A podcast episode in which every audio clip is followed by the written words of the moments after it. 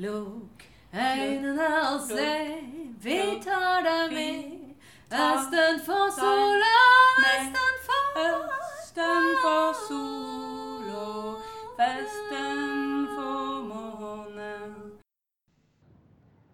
Hei og velkommen til Fortellerradio Lukk øynene og se, her på Radio Rakel FM 99,3. Du kan også høre programmet som podkast hos iTunes, Player FM og på fortellerhuset.no. Jeg heter Heid Gjerstad. I dag er Anne-Berit Evang gjest i programmet, og tekniker er Sara Krigsvold. Velkommen! Tusen takk. Vi begynner som vanlig med en fortelling. Jeg liker å bestemme selv. Det har jeg gjort helt fra jeg var liten og vokste opp på gård i en liten fjellbygd ved kanten av Hardangervidda. Jeg hadde flere brødre en lillesøster også, men hun kom mye senere. Så det var tre gutter og meg. Og de bestemte mye, særlig storebroren min. Han ville ofte bestemme hva vi skulle leke, og hva jeg kunne og ikke kunne gjøre siden jeg var jente. Jeg fikk f.eks. aldri lov å røre bilbanen hans, den store som var formet som et åttetall og sto på hans side av rommet. Og det var jo kjipt egentlig, siden poenget var å kjøre om kapp. Men det var uskrevne regler på det barnerommet. Og på min side sto det dokkehus og dokkevogn. Da de to andre kom, som var yngre enn meg, da passet jeg dem. Og da kom jo all dokkelekingen godt med, og det var fint å ha levende dokker å leke med, passe på. Men noen ganger så hadde jeg lyst til å gjøre helt andre ting. Jeg lærte tidlig å tilpasse meg. Jeg var ei ganske stille jente. Jeg gjorde stort sett som de andre sa, men inni meg var det en sterk vilje. I kirka og på Betania så hørte jeg fortellinger. Prestene og forstanderne, de var menn. De fortalte mye om Jesus. Lite om Maria, egentlig. Hun var liksom bare mammaen hans. Og hun ble det fordi Gud bestemte det. Og jeg husker at jeg tenkte den gangen at Maria var litt tafatt. At de ordene som hun sa til engelen, la det skje med meg som du vil, de ga ikke så mye gjenklang hos meg den gangen. Det var jo sånn jeg hadde det, men ikke ville. Jeg var 18 eh, år før jeg møtte en dame som var prest. Det var eh, underlig. Det var litt spennende, men mest rart. Jeg hadde bare sett menn være det. Og noen sa at bare menn kunne være prester.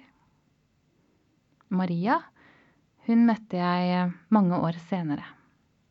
Det var en fortellerkveld. Det var en dame som fortalte. Og med ordene og bildene hun malte med sin fortelling, så ble Maria levende for meg på en helt ny måte.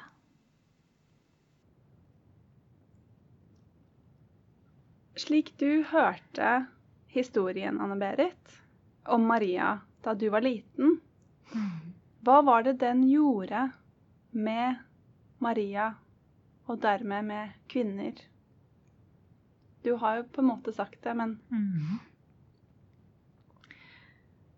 Det var jo noe med måten Eller hva skal jeg si, hva, hva som ble vektlagt. ikke sant? At, at Maria var en som var lydig som, mot Gud, ikke sant, som uh, fikk et veldig, veldig viktig oppdrag. Det skjønte jeg, at det var stort og ærefullt og alt det der. Men, men det var som jeg sa, eller som jeg fortalte litt, at, at det, det, ga på en måte ikke en sånn klangbunn i meg. Eller kanskje gjorde det egentlig det. Uh, men at jeg forsto det ikke den gangen. Mm. Men jeg ser det jo nå. ikke sant?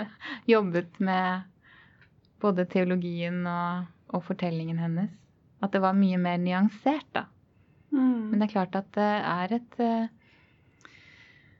Maria er en litt sånn uoppnåelig figur i mange sammenhenger. Hun Det er mange dogmer knytta til henne, ikke sant. Er um, hun er på en måte ja, jomfru, hva er det, liksom? Og forble hun det, og hvordan er det med den saken?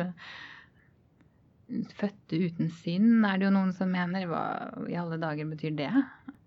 Hadde hun ikke smerter? Ja, det tror jeg det er vanskelig å se for seg. At det går an å føde et barn uten smerte. Ja, Mm. til i en. Ja, på til i en ikke sant. Så, ja, så det er, mange, det er mange ting og mange ja, og, det, og det er veldig mange av oss som er oppkalt etter henne. Mm, Eller jeg er det. mm. Jeg heter Heid Maria. Ja. Og en av søstrene mine er det. Moren min er det. Jeg mener Det er jo et navn som, Mm. som veldig mange av oss har, da. Ja, og hun er jo en skikkelse som betyr enormt mye for mennesker. Eh, Men jeg tror at det er andre tradisjoner, f.eks. den katolske, ortodokse tradisjonen har, har en annen måte å forholde seg til henne på da, enn den, enn den oppdragelsen jeg fikk, og den tradisjonen jeg står i, den lutherske og pinsetradisjonen. da. Så hvordan Mm. er det de tenker på Maria? Nei, da blir hun på en måte mer et sånt redskap Mm. som gir oss den største gaven som er Jesus, og som alt egentlig handler om. Så hun forsvinner litt. Ja.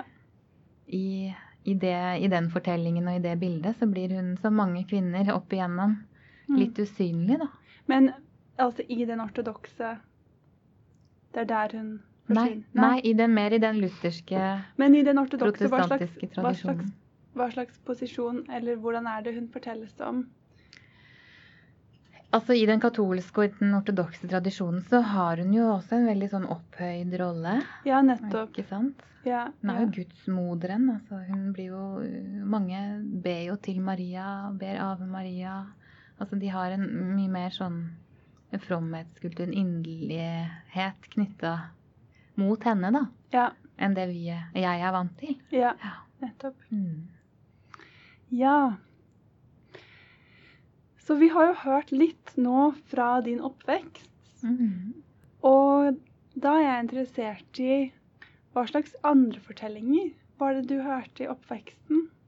Enten det var hjemme eller på skolen eller i kirken eller Mhm. Jeg hørte mange slags fortellinger. Jeg husker jo godt søndagsskolen. Jeg husker veldig godt flanellografen.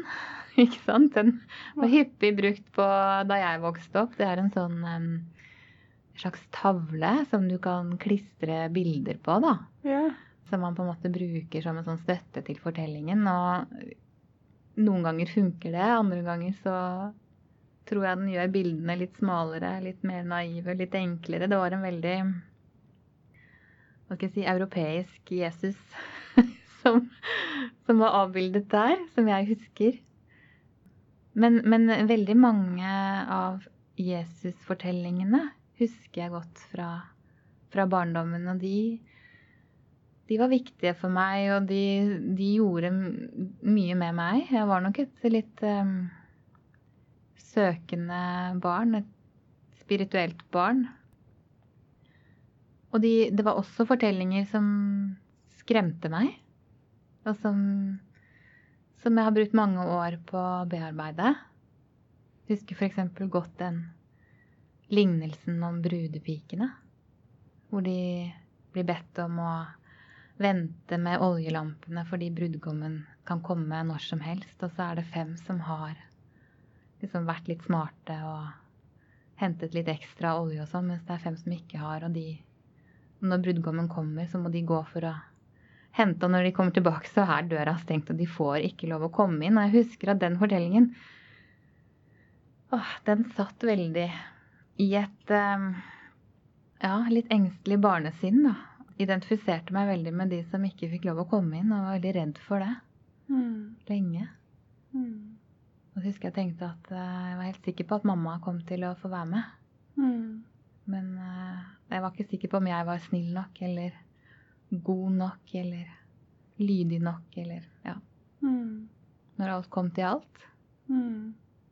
Så det er liksom både gode, gode erfaringer og ja, litt krevende erfaringer. Ja. Mm. Så da du ble litt eldre, så har du nevnt for meg at skapelseshistorien Mm. var viktig for deg. Mm. Kan du fortelle om, eh, om det?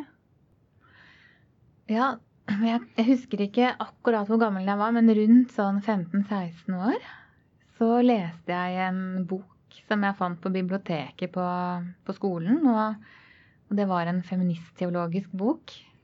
Har jeg skjønt i ettertid, da. Jeg skjønte ikke det da, men, men eh, det var noe med måten den problematiserte og, og så på tolkningshistorien opp igjennom som vekket noe i meg. Eh, Og noe av det den fokuserte på, var, var skapelseshistorien. Og jeg oppdaget at eh, den fortellingen som jeg hadde blitt fortalt, og som hadde festet seg liksom i meg, dette med at Gud skaper jorda, verden på disse syv dagene, og det er veldig sånn strukturert og en vakker, vakker fortelling. Den har jo også Altså, det finnes en, en fortelling til som kommer rett etter, egentlig og som er helt annerledes strukturert. Og, og på en måte poenget var jo å vise at dette er mytisk stoff. Altså dette er mennesker i ulike situasjoner, livssituasjoner og settinger, da, som har kontekster, som har skrevet sine Eller fortalt, egentlig, sine fortellinger.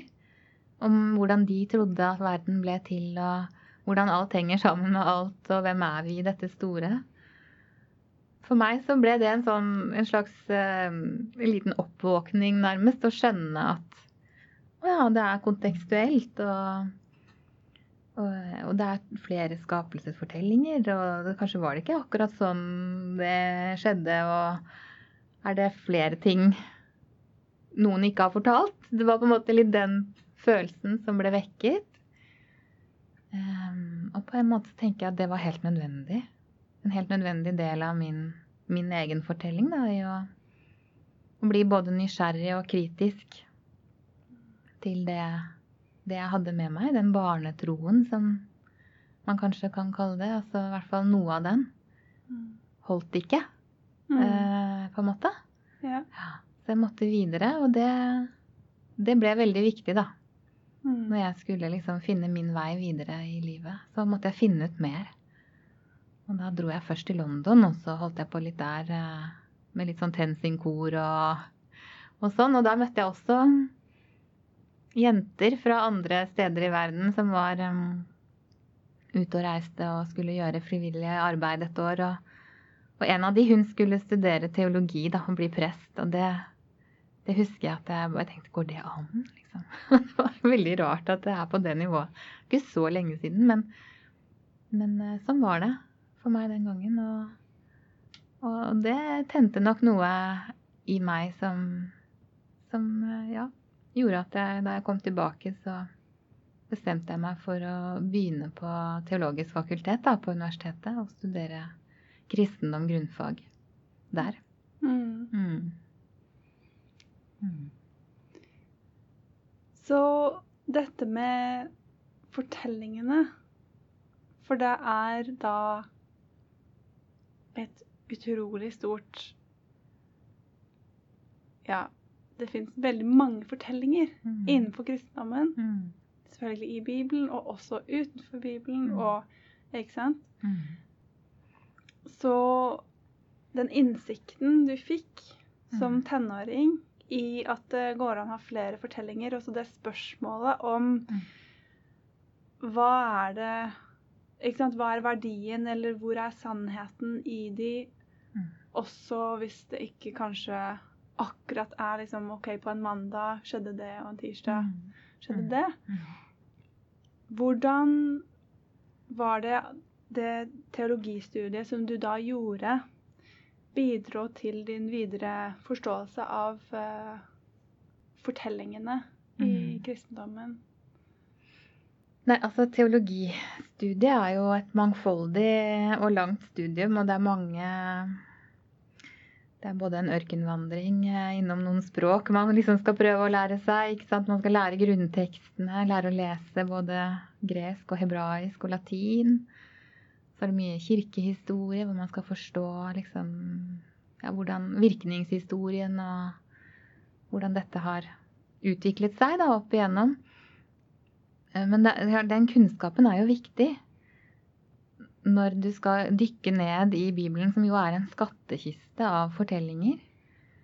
Så er det nyttig å ha den kunnskapen med. Og jeg tenker at det er også det å måtte kjenne til, altså, og det å, å, merke kraften i fortellingene og, og dette med tolkning, altså hvordan ting tolkes og oppleves forskjellig ut ifra hvem som hører og leser. Det er jo også en viktig erkjennelse. Det er ikke én sannhet, det er mange sannheter. Og, og det, det, tror jeg var viktig å, å, skjønne. Og så er jeg glad for at det er liksom Det er fortellinger som er grunnlaget, da. I, i Jesu liv og virke. Det er det, han fortelles om, og han forteller når han underviser og lærer de menneskene han møter.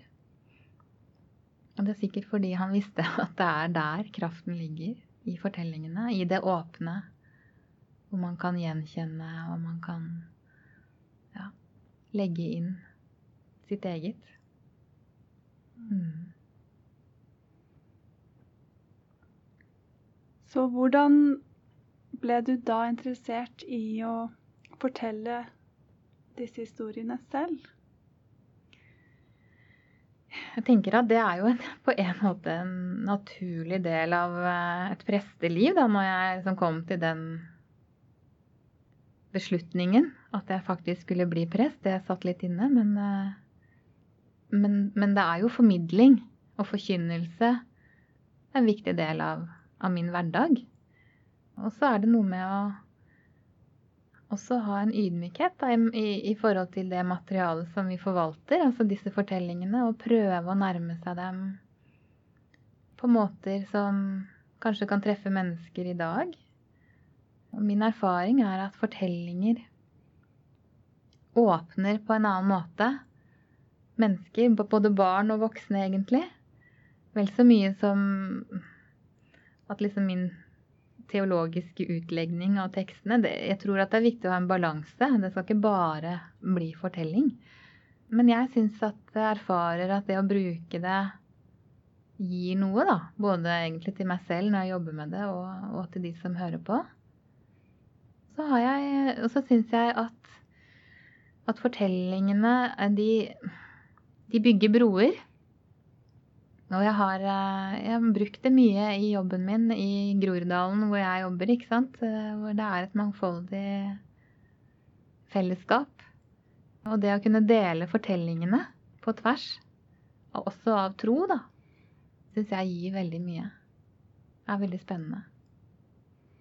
Ja, fordi det vi har hørt, og det du kommer til å fortelle utover i programmet, det kommer fra et prosjekt mm. som du har hatt med Meta Solfakari. Og der forteller hun fra Koranen, ikke sant? Mm. Hvordan var det du kom på at nå skal vi gjøre dette sammen? Ja, nei, altså jeg har jobbet lenge med, med religionsdialog. Det har liksom vært en, en satsing i, i Groruddalen lenge. Og så møtte jeg med deg i en uh, sammenheng en, I en dialogsammenheng, da, i en gruppe. Og så skjønte jeg at hun jobbet litt med fortelling, og så sa jeg det er egentlig litt sånn Ja, kanskje skulle vi fortalt sammen, uh, ikke sant. Satt det, jeg, jeg, tror liksom på en måte bare ideen ble liksom til mellom oss. Var, jeg kan ikke liksom huske at det var sånn den ene eller den andre. Det var bare noe som ble til. Og så, og så hadde vi en idé om at vi skulle spørre Solfrid Molland, som er en dyktig musiker, om hun hadde lyst til å være med å spille. Og det hadde hun, og det var jo kjempestas. Og så Ja, så vi gjorde en, en fortellerkveld i forbindelse med et prosjekt som vi kalte På sporet av det hellige. Og vi besøkte hverandres hellige steder. Vi var i en moské i et hindutempel og i en kirke, og der fortalte vi om Maria fra hvert vårt sted. Og så har det egentlig bare liksom vokst, da. Eh, og vi har fått støtte fra Kulturdepartementet, og nå jobber vi med å, å ta den ja, ta det videre, da. Og vi, vi håper jo at vi kan få, få, lov til å fortelle det for, for mange flere enn de som kommer til en eh, kirke en sen kveld. Altså vi vil gjerne inn i ungdomsklubber, skoler, møte ungdommer. Jeg tror at Marias fortelling kan være viktig for mange mennesker, unge mennesker i dag. Mm. Og jeg tror at det er viktig for mennesker å se at islam og kristendommen deler veldig mye, har mye felles. Mm. Det er mye som er forskjellig, men jeg tror det er mer som er likt. I hvert fall i denne fortellingen har det blitt veldig tydelig for meg, da. Og det er ganske sterkt. Mm. Man ser det eller får det formidlet på den måten. Så det handler liksom om å bygge disse broene, da. Det syns jeg er viktig. Nå skal vi høre en del av den forestillingen, som er historien om Maria. De dro om natten. Både Maria og Josef våknet og kjente ordene i kroppen. Barnet er i fare. Dere må dra herfra. Kongen, Herodes, ville drepe alle guttebarn for ingen ny konge som han hadde blitt varslet om, skulle få true hans herredømme. Og Josef og Maria flyktet, og Maria satt på eselryggen. Hun kjente det fortsatt var vondt og ømt å sitte etter fødselen. I armene holdt hun den lille kroppen hans. Hun kunne så vidt se ansiktet i mørket, kjenne varmen. Hun holdt han tett inntil seg, og det var som om hjertet skulle gå i stykker. Hun elsket han over alt på jord. Hun ville gjøre hva som helst for å beskytte han. Maria og Josef flyktet, som så mange mennesker før dem og etter dem gjør når de vil beskytte seg selv og sine kjære. Men veien bort hjemmefra er lang. Og da Maria satt der på eselryggen, så tenkte hun kanskje tilbake til den dagen da alt forandret seg. Hun hadde stått opp grytidlig om morgenen, som hun pleide. Hun tok krukka, gikk ned til brønnen, hentet vann, hun samlet ved, gjorde opp ild. Hun passet småbarn. Hun var ung, og hun skulle snart gifte seg. Hun likte å gå ned i gata, stå utenfor ved verkstedet hvor han arbeidet. Hammer og sag. Noen ganger nynnet han. Og da hun la seg den kvelden i det dunkle, svale rommet med vegger av leire og gulv av jord, var alt som det pleide. Men så våknet hun brått av et skarpt lys som fylte hele rommet, og inne i lyset var det en skikkelse. Skikkelsen snakket til henne. Frykt ikke, Maria, og sa at hun skulle bli med barn. Men hvordan skulle det gå til? Hun hadde ikke vært sammen med Josef, han som hun var lovet bort til. Men skikkelsen sa, barnet er fra Gud.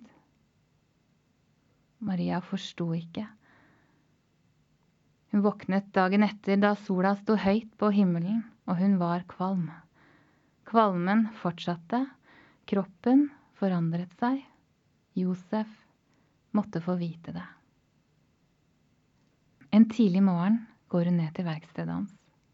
Hun visste han pleide å være alene den første timen. Hun går stille inn. Støvet bader i sollyset bak han. Han lyser opp når han snur seg og ser henne. Hun kjenner at hjertet banker vondt i brystet. Han skjønner at noe ikke er som det skal. Og når Maria har sagt alt, blir det helt stille. Lyset forsvinner fra øynene hans.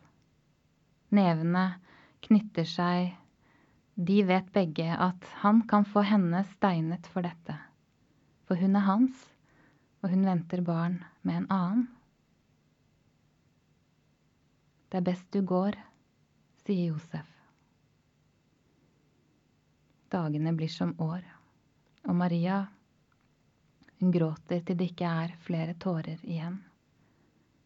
Josef vil forlate henne i all stillhet. Maria blir tatt med opp i fjellene, til familie der, til Elisabeth. Det står at Gud hadde sett i nåde til Elisabeth på hennes eldre dager, og at hun endelig hadde blitt med barn. Og da Maria nærmet seg huset, så kom Elisabeth vaggende mot henne, slo armene rundt den store magen og lo høyt. Velsignet være ditt livs frukt, ropte hun, for da du kom, så hoppet barnet i magen av fryd. Salig er hun som trodde, for det Herren har sagt henne, skal gå i oppfyllelse. Da forsto Maria, og da sa Maria de ordene som har blitt sagt utallige ganger og sunget i de vakreste sanger. Min sjel opphøyer Herren. Min ånd fryder seg i Gud, min frelser, for han har sett til sin tjenestekvinne i hennes fattigdom, og se, fra nå skal alle slekter prise meg salig. Han som støtte herskere ned fra tronen og løftet opp de lave. Maria ble hos Elisabeth en tid. Hun sov både om natten og om dagen. Det var som om hun aldri kunne få nok søvn men ettersom ukene gikk, ble hun sterkere, og kroppen viste at hun ikke lenger var alene. En tidlig morgen så våknet hun, og hun kjente en underlig følelse i magen, som når en sommerfugl slår med vingene.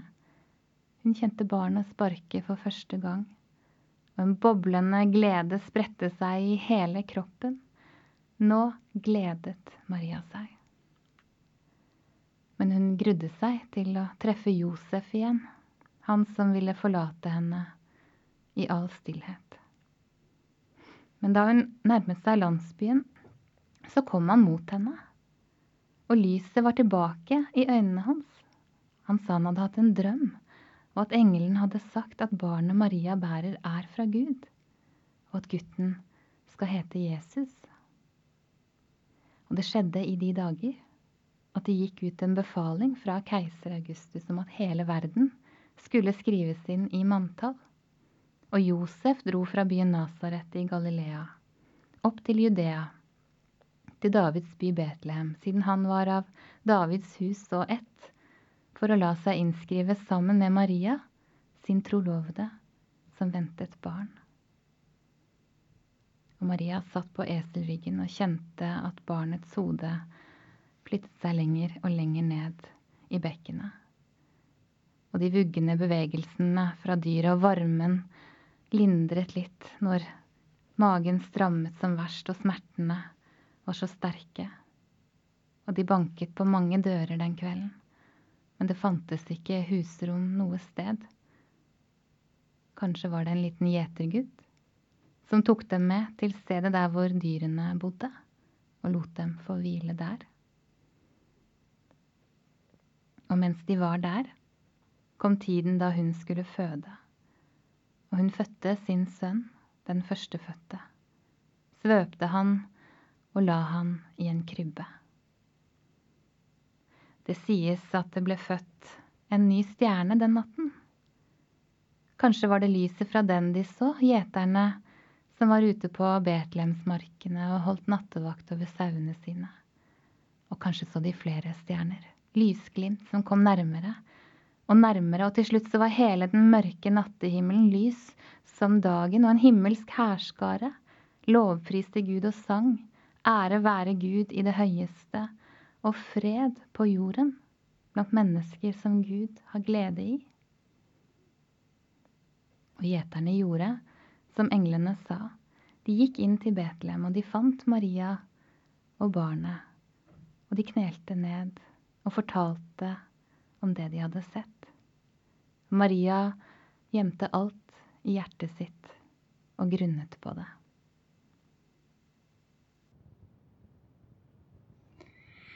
Ja, takk, Anne-Berit. Du hører fortsatt på Fortellerradio på Radio Rakel eh, FM 99,3 eller eh, som podkast. Da jeg hørte deg fortelle denne historien, så la jeg spesielt merke til Lenker kanskje litt tilbake til det du sa før om relevans for ungdommen i dag. Det føltes veldig sånn metoo at han trodde på henne først etter at han hadde fått høre det fra en mannlig skikkelse, og ikke, ikke da hun sa det. Du har snakket om dette med Maria som en aksepterende skikkelse, og om dette med viljen din og, og det å Men det at han ikke tror på henne først, er det en del av det du har på en måte bearbeidet? Ja. Det er mange ting som er krevende i denne fortellingen. Og det er klart at det er mange dører man kunne gått inn, som jeg ikke har valgt å gå inn. Og det er kanskje en av de som man kunne ha jobbet mer med. Eller kunne ha problematisert mer. Men samtidig så tenker jeg ja, sånn var det. Og sånn er det fortsatt for veldig mange.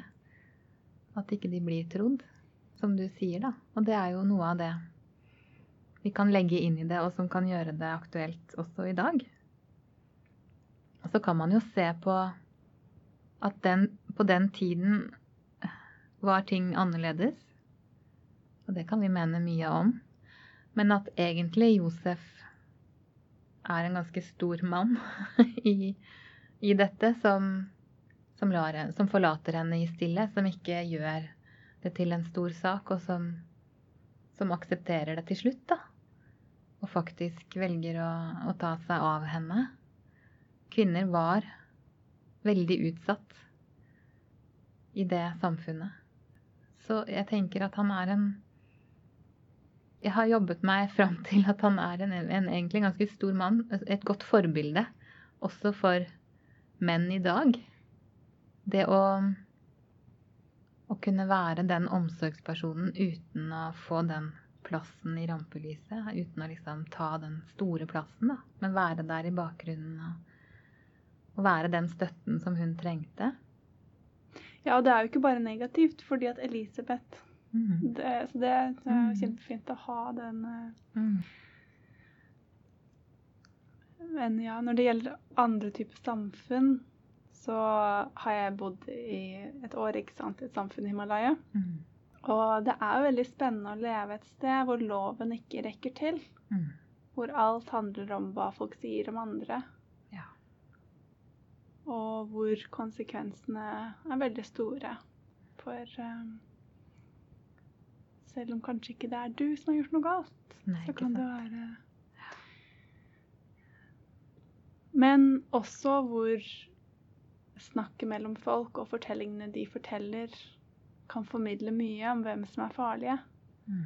Og også skam kan da føres over en familie, også hvor det er en overgriper, f.eks. Mm. Så den eh, Det er både på godt og vondt. Mm. Ja, så i tillegg til dette prosjektet med Maria Mhm. og Koranen og Bibelen, så har du jo også jobbet med pilegrimsprosjektet i Groruddalen. Ja. Sammen med Per Jostein Aarsan, som vi har hatt her i programmet. Mm. Og Georgiana Kiebel, som er min mor og medlem av rådet for det her programmet. For der vandrer det sjetteklassinger og lærer Ja, kan du fortelle litt om det? Ja, ja det, er en, det er en fantastisk eh, opplevelse. Vi inviterer skoleklasser eh, med på vandring, og vi starter eh, på Stovner da, i Groruddalen. Et, sånn, et, et sted med litt ufortjent dårlig rykte, egentlig. Et veldig, veldig fint sted. Og der begynner Per Jostein å fortelle litt om sin oppvekst og bakgrunn fra Stovner. Og at han nå vil ta dem med på en spennende vandring på en vei som har mange navn. Og det er en pilegrimsled, det er liksom gamle, gamle hovedveien ut av Oslo og ja, oldtidsleden, og den har mange navn da. Så da begynner vi å gå, og så går vi et stykke opp i skogen, og da møter vi Da sitter det en, eh, en litt sånn merkelig skikkelse med en sånn kappe rundt seg og en stor stav, og der Elevene blir sånn Oi, hva skjer? Liksom, og hun sitter altså og ber Fader vår på engelsk. Mm, Og så plutselig så Og da skvetter alle når hun liksom Åh! Når hun liksom oppdager at de er der. Og så er vi helt inne i hennes fortelling som, som en botsvandrer fra middelalderen, da.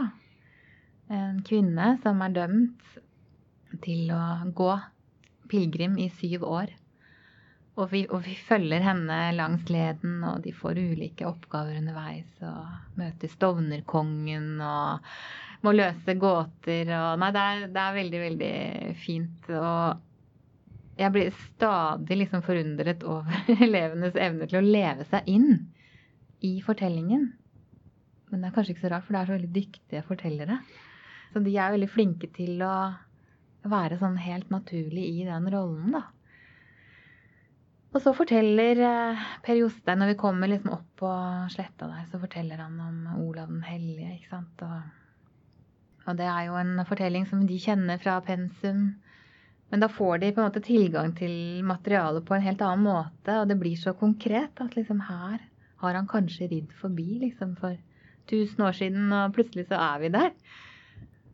Og så liker jeg kanskje aller best eh, når, når Georgiana går ut av rollen som den pilegrimen, da. Eller den botsvandreren, og sier at 'jeg er jo ikke fra middelalderen. og de bare Hæ? Er det sant? like forundra. Noen blir like forundra hver gang, og det er så morsomt. Um, Ja, de er forundret over at hun ikke er fra middelalderen. ja, ja, de har liksom levd seg helt inn i det. Mm. Men så forteller hun at eh, hun er pilegrim, og at hun har gått pilegrim, og hun har fortalt om Mari, da, som er din søster, som også har gått pilegrim, og det gjør inntrykk på, på mange. Så snakker vi om det å være pilegrim i dag. Og pilegrim i alle de store verdensreligionene er sentralt, en sentral del av trospraksisen til veldig, veldig mange. Mm. Så det er fint å se da hvordan, hvordan de gjenkjenner sitt eget i den andres. Mm. Så det har jeg veldig tro på. Så det vil vi gjerne fortsette med. Mm. Ja, for der er det mange barn som er med og vandrer, som ikke har kristen bakgrunn. Mm. Ja. Og en gang var det en som sa at eh, for en av tingene de skal gjøre, da, en av oppgavene eller opp, ja, utfordringene de får, det er å gå barbeint. Mm. Da sier Georgiana skal det være lett å være pilegrim. Nei, sier alle. Og så tar de av seg skoene og så går de barbeint i skogen. Og det er jo en opplevelse for alle. Mm. Eh, Da var det en som sa etterpå at eh, da, da vi gikk barbeint, så, så tenkte jeg eh, Det var litt som, som ramadan. For når vi faster, så, så er det ikke fordi, bare fordi vi ikke skal spise, det er fordi vi skal tenke på de som er sultne. Og når jeg gikk på arbeid, så tenkte jeg på alle de som ikke har sko. Og da tenkte jeg det det var fint. Da, da har han funnet noe av sitt eget i det som jo er en, en fortelling fra en kristen eh, tradisjon og kultur, Mm. som har mange gjenkjennelige trekk da, for, for mange. Mm. Mm. Ja. Hva slags rolle tror du fortelling kan spille i samfunnet? Jeg tror det er enormt viktig. Det er jo på en måte Det er jo fortellingene som har kraft i seg. Det er de som kan skape eh, både bilder og følelser og vekke mennesker, tror jeg. Til handling. Til å, til å se og, og kjenne på hva som er viktig i livet. Det er en um, Det er en gave å fortelle. Det har menneskene gjort fra tidenes morgen. Eh, Og det håper jeg vi fortsetter å, å gjøre. Og hvordan tror du fortelling kan hjelpe oss med å bearbeide det som er krevende? Fortelling er jo Det er jo forløsende fordi man kan liksom legge legge sitt eget inn i det. Ikke sant? Og det kan jo være så forskjellig. Ut ifra hva, slags erfaringer vi har. Men det å Det å kjenne at noen andre har vært der, eller noen andre har erfaringer som ligner på mine, eller å se at de på tross av ting som skjer, reiser seg og, og får ny kraft og går videre. Det tror jeg er helt avgjørende. Tror jeg vi trenger for å få håp. Hvis, vi, hvis det er det vi, vi må for å komme oss, komme oss videre i livet. Det er mye kraft i fortellingene. Mm. Ja. Man kan se hvordan har folk fått det til. Mm. Selv om det kan være en annen utfordring enn det er den jeg står overfor nå. Mm. Men det kan hjelpe meg. Mm. Ja, Radio Rakel er jo en feministradio. Ja. Og eh, vi har jo snakket litt om kjønn i forhold til eh, Maria og hennes rolle. Men når du formidler andre historier, også fra Bibelen, hva tenker du om, om kjønn? Hvordan jobber du med det i, når du skal fortelle i jobben? Nei, altså Det har jo fra jeg, Egentlig fra jeg leste den boka som 15-16-åring, så har, har det alltid vært viktig for meg å se kritisk. Ha et litt kritisk feministisk blikk på ting. Da. Altså hva Hvor er kvinnene i mange av fortellingene? ikke sant? De blir ofte usynliggjort. Da. Det å, å hente dem fram og ja, levendegjøre dem. Og det å, å sette ord på det. Og de strukturene som holder kvinner nede, og som har bidratt til å usynliggjøre og påføre skam og mye lidelse opp igjennom. Det er viktig å avdekke og Det er et viktig tema for meg. Og, og samtidig så er det ikke bare det å være kritisk, men også det å hva skal jeg si, være konstruktiv eller skapende, da. Altså finne Finne nye måter å snakke om, om Gud på. Går det an, ikke sant, å tenke at Gud er kvinne? Eller feminin? Eller Ja. Kanskje er det For noen blir det vanskelig igjen, mens for andre kan det åpne opp. Jeg tenker jo at Gud alltid er større enn enn våre ord og begreper og fortellinger, men at at det hele tiden er, eh, det er viktig å, å, åpne opp, da. Og for meg ble det forløsende å tenke at, at Gud ikke bare er mann, eh, men at det er noe, det er, det er noe større. Og, og sånn sett så ble Det var en bok som jeg husker jeg leste som heter She Who Is, som åpnet mye, mye nytt. Et nytt landskap i meg da den gangen, og det har jeg nok med meg fortsatt. Mm. Ja, vi hadde Helga Samset her, og hun forteller jo Jakob-historien. Men hun trekker fram kvinnene mer enn det som bare akkurat står skrevet. Eller det er noe som kanskje ligner på det du har gjort med Maria, da. Og finne fram til Selvfølgelig Det er jo spor av Mm. alt, ikke sant, i Mm. det skrevne, men eh, men å, å trekke det ut i, i fortelling. Det er det, og det handler jo om hva vi ser. Ikke sant? Og hva vi holder fokus på. Og Helga er jo kanskje en av mine største inspiratorer. Er kjempefan av Helga. Og det var jo hun som fortalte den kvelden oh, ja! for så lenge siden. Ja! Så det er ganske fint, egentlig, at du Så nevner klart. henne. ja. Og hun har jo gjort en fantastisk jobb med å formidle bibelfortellinger Mm. på en måte som jeg tror treffer mennesker i dag, da. Mm. Som er helt eh, Mm. Ja, dere lyttere, hvis dere ikke har hørt episoden med Helga, så gå og hør den. Ja, absolutt. Til slutt skal vi høre hvordan det gikk med deg og Maria-historien. Vær så god. Det mørke, fuktige rommet. Jorda som bar henne. Lukta, pusten, varmen fra dyrene. Armene til Josef som holdt henne. Smertene, sjokket, dødsangsten. Lettelsen, gleden, kjærligheten. Gjeterne. Ordene om stjernene, lyset, englesang. Maria gjemte alt i hjertet sitt og grunnet på det.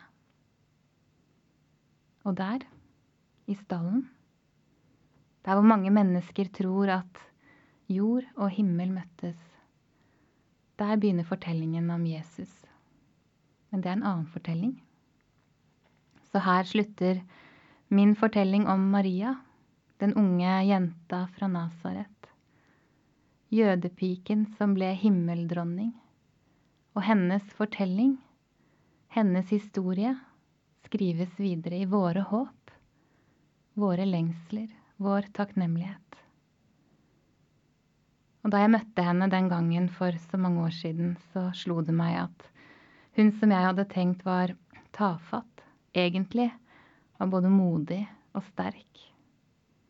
Og de ordene hun sa til engelen, la det skje med meg som du vil, de må ha kommet fra et sted dypt inni henne, et sted hvor en grunnleggende erfaring av verdi og tillit bor. Jeg vil fortsatt gjerne bestemme selv.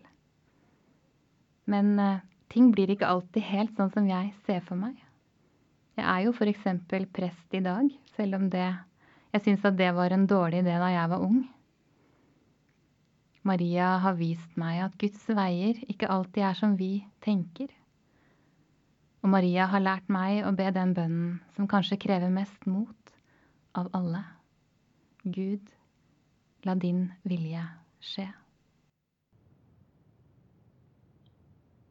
Du har hørt på Fortellerradio Lukk øynene og se med Heid Gjerstad i studio og Sara Krigsvold bak spakene. I dag var gjesten Anne Berit Evang. Takk for oss. Ja. Hurra! Ja. Så bra! Ja! Contez-moi en belle histoire, contez-moi en belle bagaille, contez-moi en belle histoire, aïe aïe aïe aïe aïe, aïe aïe aïe aïe aïe aïe aïe. Fortellerradio er støttet av Kulturrådet, Prosjektstøtte kulturvern og av Oslo kommune.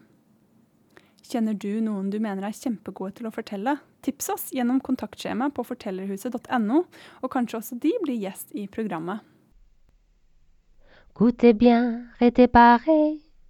pour toute chose qui passée. Contez-moi en belle histoire, aïe aïe aïe aïe aïe aïe aïe, aïe aïe aïe aïe aïe aïe. Tout le monde tout en belle surprise, contez-moi en belle histoire, aïe aïe aïe aïe aïe aïe aïe, aïe aïe aïe aïe aïe aïe aïe.